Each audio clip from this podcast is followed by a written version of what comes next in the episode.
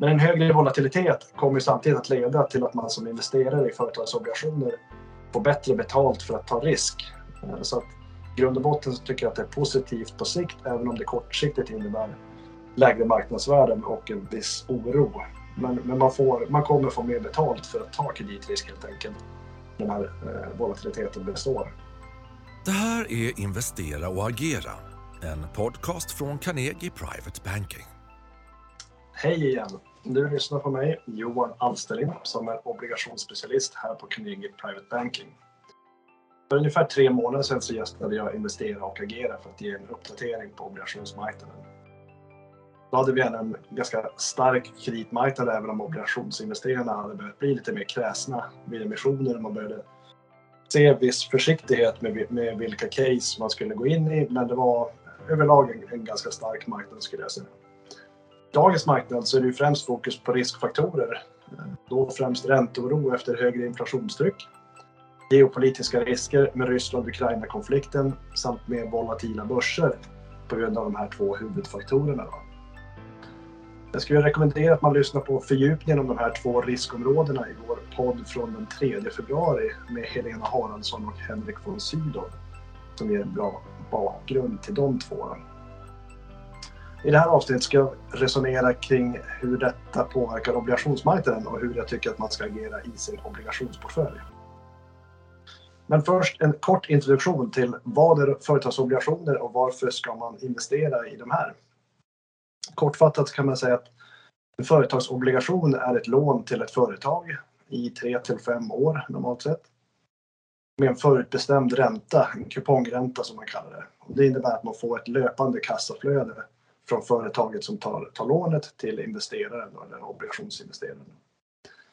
Obligationer är egentligen ett skuldebrev som ges ut på kurs 100 och förfaller till kurs 100 så länge företaget inte har gått i konkurs. Och den här obligationen handlas också dagligen eh, så att eh, precis som en aktie så kan man handla den i andrahandsmarknaden. Då. Slutkursen på kurs 100 eh, ger en förutsägbarhet i avkastningen vid grundstrategi håll till förfall. Så att eh, man får en fördel jämfört med andra placeringsformer som fonder eller aktier med mera. Eh, det här gäller ju då direktägda obligationer där man just har möjligheten att hålla dem till förfall, till förfall på dagen och den här kurs 100 på slutdagen. Då. Minsta post är 1,25 miljoner till 2 miljoner kronor och man brukar säga att man ska ha 10 till 15 obligationer i sin portfölj för att få en bra riskspridning. Eh, det innebär att man ska ha ungefär 15 till 20 miljoner kronor i obligationsportföljen. Det här är alltså en, en placeringsform i direktägda obligationer som är för större investerare och har man ett mindre belopp så brukar vi rekommendera Eh, liknande investeringar men i fondform. Och då får man ju bra riskspridning och bra likviditet i det. Men, men inte samma förutsägbarhet kan man säga. Då. Om vi då går vidare till marknadsläget ehm, så, så tycker jag att eh, det, det vi främst har fokuserat på senaste tiden har varit eh, geopolitiska riskerna och Ryssland-Ukraina då senaste veckan framförallt som har varit eh, huvudsakliga rubriken i, i tidningar och, och på marknaderna. Eh, ränteoron och högre inflation har ju annars varit den, den, tidigare huvudsakliga sänket för både börser men också för kreditmarknaderna inom euro och dollar.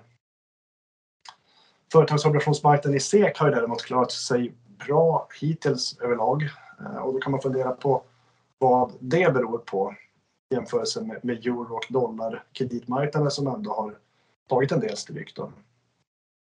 Jag ska säga att eh, det finns tre huvudsakliga anledningar till det. Den första är ju att företagsobligationer i euro och i dollar framförallt har eh, fast ränta, så kallade fixobligationer. Eh, medan företagsobligationer i svenska kronor, i svenska marknaden här, framförallt har rörlig ränta, så kallade floating rate notes eller FRN. En högre inflation eh, kommer ju ge högre marknadsräntor så småningom det har vi ju sett början på och man förväntar sig ju eh, högre marknadsräntor framöver också. Då. Ehm, så att allting med fast ränta ska ju då i teorin tappa i värde på grund av ränterisken. Eh, högre marknadsräntor innebär ju också då att, att de rörliga räntorna kommer upp och då justerar man upp den här kupongräntan för obligationer med, med rörlig ränta. Och, eh, I Sverige då så har man en koppling till Stibor tre månader vilket gör att när inflationen stiger, marknadsräntorna stiger, så ska också Stibor tre månader stiga. Då får man också en högre kupongränta eller ett högre kassaflöde från sina obligationer. Eh, så att där har man då en, en, en betydligt lägre ränterisk, en lägre duration och därigenom också får man en, en mindre kurseffekt på svenska obligationer än utländska. En annan anledning eh, är ju att man har en sämre likviditet i svenska kronor i SEK-marknaden än i euro och dollar. Här har man mycket mer av håll till förfalltänk och mindre trading. Medan man i euro och dollar så är man mer aktiv och handlar mer eh, kortsiktigt också. Så att, så att kortsiktiga negativa händelser får ganska fort en viss effekt på kurser. De marknaderna, men inte i, i SEK då, det hinner inte riktigt hända någonting här. Så marknadsoron behöver bli mer uthållig för att det ska ge avtryck i SEK-marknaden skulle jag säga. Och det tredje som är kopplat till det också är ju fondflöden. I svenska marknaden så har man ett väldigt stort beroende av de flöden och den, den tyngd som, som företagsobligationsfonder har idag i marknaden. Eh, fondflödena var fortfarande eh, positiva i januari, det vill säga att, att investerarna i dessa eh, fonder kommer in med pengar och gör investeringar fortfarande i större grad än vad man tar ut pengar. Men när utflödena brukar komma så, så eller när, när marknadsoron blir uthållig så brukar också utflödena komma. Då blir det tuffare för SEK-marknaden att hålla emot. Mer om detta inom kort. Eh, vad kan då få SEK-marknaden att vända neråt på allvar? Tidigare kriser har ju karaktäriserats av så kallade fire sales när stora institutioner har behövt sälja obligationer i stora volymer hastigt. De här tillfällena har ju oftast triggats av någon chock i marknaden som leder till stora utflöden ur räntefonderna. Där kunderna antingen vill ur räntefonder till konto för säkerhet för att man vill liksom eh, komma de-riska sin portfölj helt enkelt. Då. Eller för att eh, man vill ombalansera till aktier som har fallit ännu mer i värde, det vill säga att man vill, vill gå ur obligationer för att köpa aktier som känns billigare för tillfället. När fondförvaltare då behöver sälja stora poster av obligationer och kanske framförallt high yield obligationer eh, i en svag marknad så faller kurserna snabbt och det kan också då leda till en snöbollseffekt. När fonderna får, får sämre performance för att kurserna har fallit så kommer också de få mer utflöden och då behöver de sälja ännu mer obligationer Eh, för att, för att eh, skapa mer likviditet helt enkelt. Där är vi ju inte idag. Eh, jag tycker vi ser ändå en klar balans i marknaden fortfarande. Om än vi ser en viss övervikt på säljfronten jämfört med några veckor sedan. Men det handlar fortfarande om ganska små rörelser på enstaka obligationer och inga stora breda fall på SEK-obligationer. Mer troligt är däremot att de emissionerna som står i kö för att komma ut i marknaden Eh, behöver höja sina kupongnivåer, räntenivåerna helt enkelt som företagen behöver betala. Det här leder ju då till att befintliga obligationsutbudet behöver justeras ner i kurs för att matcha den nya nivån för kompensationen av kreditrisk. Det vill säga att om obligationerna som redan är utgivna har en, en, en viss räntenivå så kommer det ut nya obligationer från liknande emittenter, liknande företag men som emitteras på en högre räntenivå för att investerarna kräver en högre avkastning helt enkelt. Eh, då kommer det också avspegla sig i att kurserna behöver komma ner på de utestående obligationerna. Vad händer i SEK-marknaden just nu? Eh, jag tycker att det vi kan se är ju att, att det här flödet av nya obligationer, emissionerna helt enkelt, har ju definitivt avstannat ordentligt. Eh, det har kommit en del nu de här två dagarna när marknaden har varit starkare. Så att, så att det är inte stängt på något sätt, men det är betydligt mindre och framförallt inom high yield-segmentet så har vi väsentligt mycket mindre emissioner.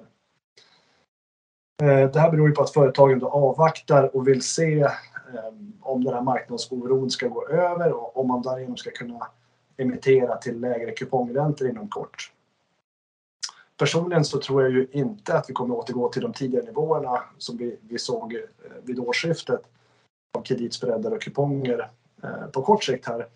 I och, med, I och med de riskfaktorerna som, som vi har med Fed, eh, amerikanska centralbanken, som ju väntas höja räntorna kraftigt i år. Eh, vi Får väl se hur långt de kommer men, men avsikten i alla fall är ju att höja ordentligt nu för att visa att de tar krafttag mot den, mot den stigande inflationen i USA. Men också den geopolitiska oron, eh, Ryssland-Ukraina. Och, eh, och tittar man lite bredare då kan man också se på riskerna för en lägre konsumtion ju längre det här inflationstrycket består. Fastighetssektorn i Kina är lite bortglömd för tillfället men kan ju definitivt poppa upp. Nya mutationer av covid-19 är en annan potentiell risk eh, under det här året att hålla koll på. Eh, men överlag så känns det ju som att de här riskfaktorerna som finns där ute överlag eh, väger över mot möjligheten att man skulle kunna få tillbaka den här riskviljan, den starka riskviljan på kreditmarknaden och, och trycka ner kupongerna igen. Utan emittenterna kommer förmodligen behöva vänja sig vid, vid högre nivåer framöver.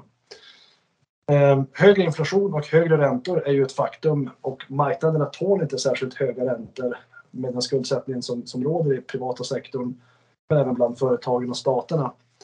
Eh, även om vi inte borde se särskilt höga räntor, att det blir någon, någon ränterusning närmaste åren, så är ju den långa trenden med kontinuerligt sjunkande räntor troligen över. Och det kommer också att störa riskviljan bland aktie och kreditinvesterare. Man har haft en, en bra medvind under en lång tid med sjunkande räntor som har varit väldigt bra och lett till bland annat TINA-trenden, ehm, eh, eller TINA There is no alternative fenomenet då. Det vill säga att man har tvingats att ta risk helt enkelt. Hur länge marknadsoron består är desto svårare att förutse. Historiskt har centralbankerna haft det svårt att låta marknaderna rasa. Ehm, och sannolikheten är hög att de även denna gång kommer behöva backa med räntehöjningsplanerna om börserna tar för mycket stryk. Hur ska man då agera i rådande klimat? Ehm, vi försöker ju alltid investera kapitalet löpande.